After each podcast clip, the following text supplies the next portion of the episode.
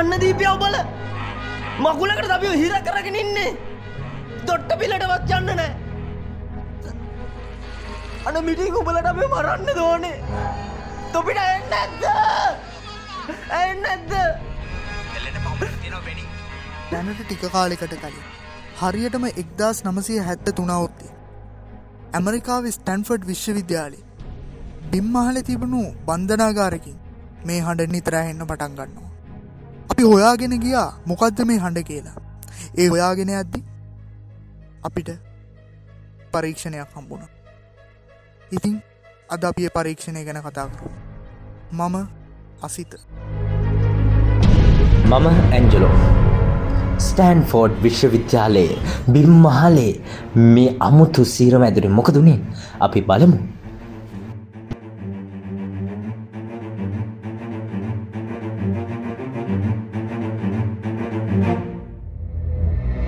ඕවැන්ජි මේ වෙද්දි ඇමරිකාවේ සිරකරුවොත් බන්ධනාගාර ආරක්ෂකයන්නුත් අතර ගැටුම් එන්ඩ එන්න වැඩිවෙච්ච කාලයක්. ඉතින් මහාචාරී සිම්බාඩුත් ඔහුගේ විශ්වවිද්‍යාලේ පහළම මාලය බන්ධනාගාරයක් බවට පත්කර. මොහු අයදුම් පත්‍ර කැඳවපුහම හැත්ත පස් දෙනෙක් කැමැත්ත පල කරලා අයදුම් පත්‍රය වන. හැබැයි කායික මානසික දුබලතා නැති විසි හතර දෙනෙක් විතරයි මේ පරීක්ෂණයට හු යොදාගන්න.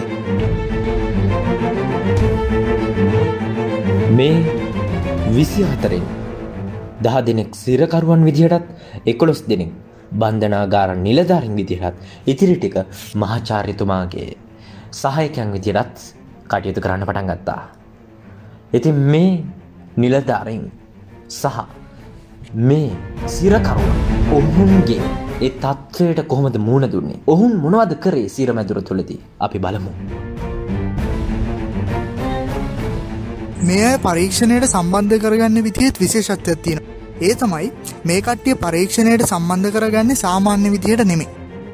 මේ අය පරීක්ෂණයට සම්බන්ධ කරගද්දි සිරකරුව විදියට තීරණය කරගත්ත දහ දෙෙන. අත්තන්නංගුවට ගැනීමක් සිද්ධ වෙනවා උපරිම සාමාන්‍ය විදිහට කොටින්ම කියනවනම් ඒ ප්‍රදේශ ඉන්න පොලිසිස්ථානයට තමයි මොවුන් ඉස්සල්ලාම අත්තඩංගුට ඇරන්ගේන්නේ.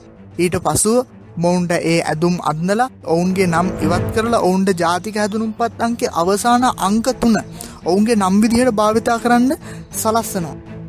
ඉතිං ඒකත් එක්ක ඒ අත්තනං ගූඩ ගන්න රාත්‍රී. ඉතාම සාමකාමී සාමාන්‍ය බන්ධනාගාරයක් විදිහටම ක්‍රියාත්මක වෙනවා.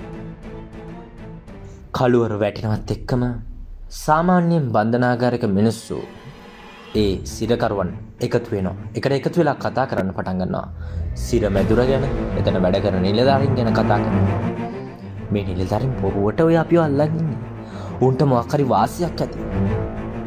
උන්ටෝනේ අපේ මොනහරි ගන්ට තමා. එක තම අපි හිර කරන්නන්න කියලා. මෙයාලා මෙයාලා අතර කතා කරමින් අර්ගලයකට ලෑස්තුනා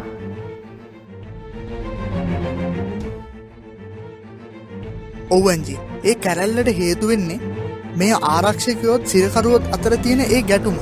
මේ ගැටුම ඉස්සල්ලාම හැදෙන්නේ මේ ආරක්ෂිකයන්ට කිසිම අනුදැනුමකින් කිසිම බලකිරීමකින් තොරව මොවුන්නේ සිරකරුවන්ව පාලනය කරන්න යනවා උදාහරණයක් විදියට ගත්තොත් පාන්දර දෙක හමාට විතර සිරකරුව හැරවන්න ඒ වගේම ඔවුන්ගේ කෑම බේල මගහරින්න අසාමාන්‍ය විදිහට ශාරීරික ව්‍යායාම කරවීම වගේ සිරකරුවන් අපහසුතාවයට පත්වන විදිහට ක්‍රියා කරන්න පටන් ගන්නවා ඉතින් ඒකත් එක්ක මේ බන්ධනාගාර නීතිත් එක්ක මේ සිරකරුව විරුද්ධ වෙන්න පටන් ගන්නවා.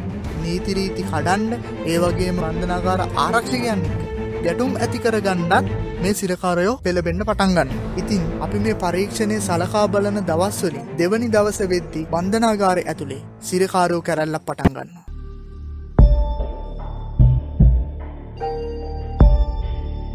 දෙවැනි දවස උදේම සිරකරුවන් සිරකරුවන්ගේ කුටි වල දොරවල් වැැහ්වා මේස තල්ලු කරා දොරටුව දෙසට හැම දේම තියෙන හැම බඩුවකිම දොර වැැහවා. ඒ නිලධාරින්ට ඇතුල්ලෙන්න විදිහන්න නිදරන් ඉලීද කෑකැව්ව දොර ඇරපල්ලා!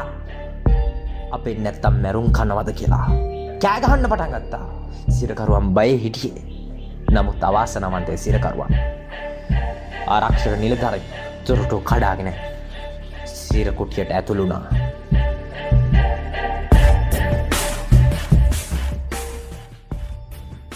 එහෙම ඇතුළට ආපු ආරක්ෂකයෝ කැරල්ල මෙහපු ප්‍රධානින්ම වෙනම සිරකුටිවල තනි තනිවම රඳවනු. කැරල්ලට සම්බන්ධ නොවුණු තුන් දෙනෙක්ව.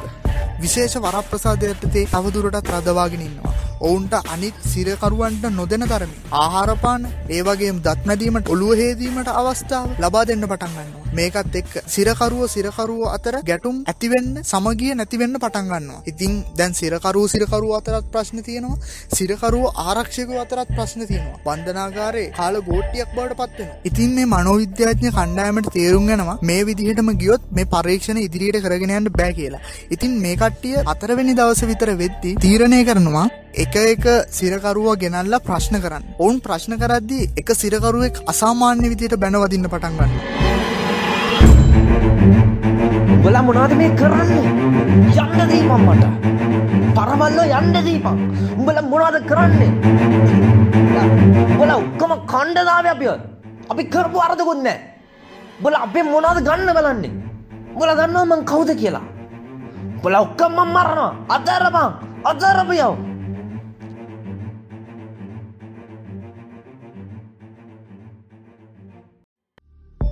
ඉතින් මේ මනෝවිද්‍යාඥ කණ්ඩායම ඔහුවේ පරීක්ෂණින් ඉවත් කරන්න තීරණය කරනවා.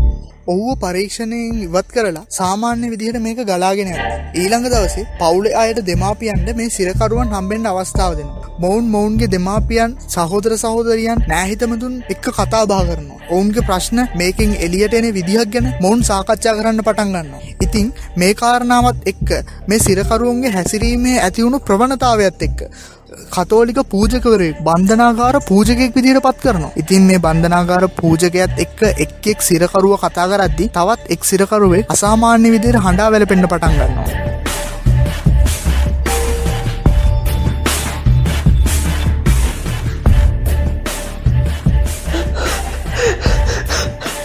පාද? ඇයි අපිට මෙ මිනිස්සු කරන්නේ? ඇයි මෙයාලා අපිට මෙහෙම කරන්නේ? මොකත් අපි කරපු අරද මම සතෙන්ටව තාඩියක් කල්ලට බඩ එත්තලට ඇයි මෙහෙම කරන්නේ? යන්න දෙන්න කියන්නකෝ.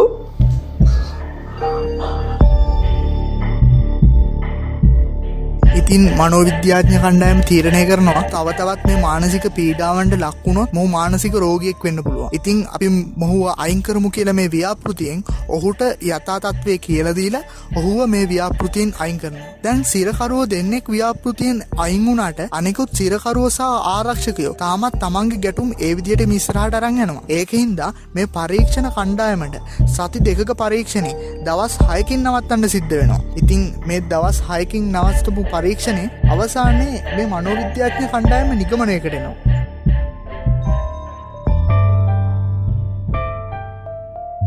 සමාජ භූමිකාවට අනුගත වෙන්නේ තමන්ගේ පෞරුෂය මත නෙමෙයි තමා සිටින පරිසරය මතයි කියලා ඔවුන් නිගමනයකටාවා.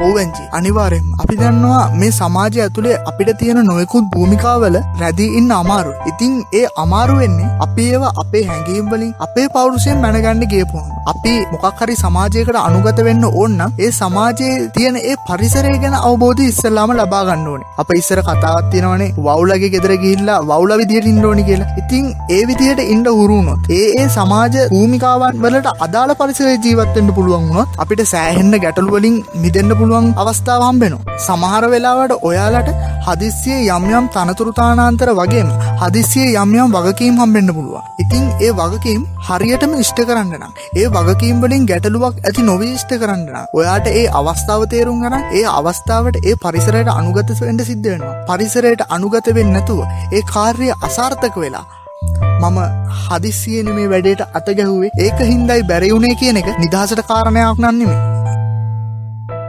අපි ඒදේ මේ කාලයක්ත් එක් අපි සම්බන්ධ කළ බලමු. ඔබ සිතන්න ඔබ අවුරුදු දහටක දහනමයක තරුණෙක් කියලා. ඔබ ඒ පරිසරය අනුව ඔබ ඉන්න විදිය වෙනස්. ඔබේ දෙමාපියන් සමඟ ඔබ සිටිති ඔබ දරුවෙක් සහෝදරයන් සමඟ සහෝදරයෙක්. ඔබ ආදරය කරන තැනැත්තා සමඟ ආදරය කරන්නෙක් ප්‍රේමවන්තෙක් ප්‍රේමවන්තියක්. යාළුවන් සමඟ යහළුවෙක් ඒවගේම බස්සක අද්දේ මගේක්. ඒ ඒ තැනට ඒ ඒ පරිසරයට ඔබ අනුගත වෙන්න ඕනි. ඔබ වෙනස් වෙන්න ඕනි. ඔබ පාසලේ ඉද්දි ඔබ ශිෂ්‍යයෙන් නම් ඔබ දැනගන්න ඕනේ පාසල් නිලැඳුමෙන් සැරසෙන. ඊට අදාළ විදිහට කොණ්ඩේ රවුල කපන්න. ඒ පරිසරයට අනුව ඔබ අනුගත වෙන්න ඕනේ. ඒකයි සැබෑව. ඔය කාරණාව ඔහොම වෙත්ති ආයෙත් අපි මේ මහාචාරයවරය දිහාවට හැරුණාම මේ මහාචාරයවරයට මේ පරීක්ෂණය හින්දා ප්‍රශ්න ගොඩකට මූුණ දෙන්න සිත්වය ඉතිං ඒ ප්‍රශ්න අතරින් එක ශිෂ්‍යයෙක් ඔහු ප්‍රශ්න කරනවා. ඔයා මොනවද මේ කරන්න? මේ මිනිස්සුන්ග ශාරීරිකව මානසිකව අපයෝජනය කරලා පරීක්ෂණ කරනගේ තේරුම්ගත් ඔයා මානසික වෛද්‍යවරේ මනෝවිද්‍යාඥ මිනිහෙක්ගේ මනෝභාවයට හානි කරලා ඔයා කොහොමද සතුටින් ඉන්නේ? මේ ප්‍රශ්නහුට යොමුුවෙනවා කියනවා නම් මට මේ සම්බන්ධව කනකම් මංහිතුවේ පරීක්ෂණයක් කරන්න විතරයි. බැ මං හිතුවෙන මන් නිසා මිනිස්සුන්ට මෙහෙම හානියක් වේදනාවක් ඇතිවේ කියලා. මට දැනුව තේරෙන්නේ ඒ දවස්සේ මමත් බන්ධනාගාර නිලධාරීක් විදි රැසුරණ අපි කොයි පරිසරයේ තින්නේ ඒ පරිසරයත් එක්ක අපි ඉබේම වෙනස් වෙනවා.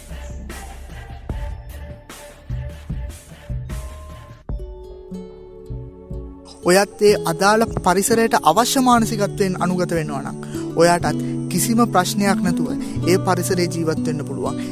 ඉතිං ශානර අපි මේ එකින් එක පනිවිඩ ඔයාලට ගේන්න දිගටම රැදී ඉන්නවා. අපේ කලින් එපිසෝඩ් එක ඔයා අහන්න මොන මාධ්‍යයෙන් වුණත් ඔයාට පල්ලෑ ඩිස්ක්‍රපෂන් එකෙන් අපේ කලින් එපිසෝඩ් එක බලන්න පුළුවන්. ඉතිංගජි ඒ වගේම මතක් කරන්න ඕනේ. අපිත් එක් එකතුුණු ශානර් කරුව එක. එයාල අපිට ලොකු හයියක් දැනටමත් වෙලා ඉන්න පුංචි කණ්ඩායමක් විදිිය ඉතින් එයාලට ස්තුතිවන්ත වන ගමන් ඉස්සරටත් කම්බෙන බලාපොරොත්තු අපි එනම් ගීල්ලෙන් සුභගම මමාසිත මම ඇච්චලු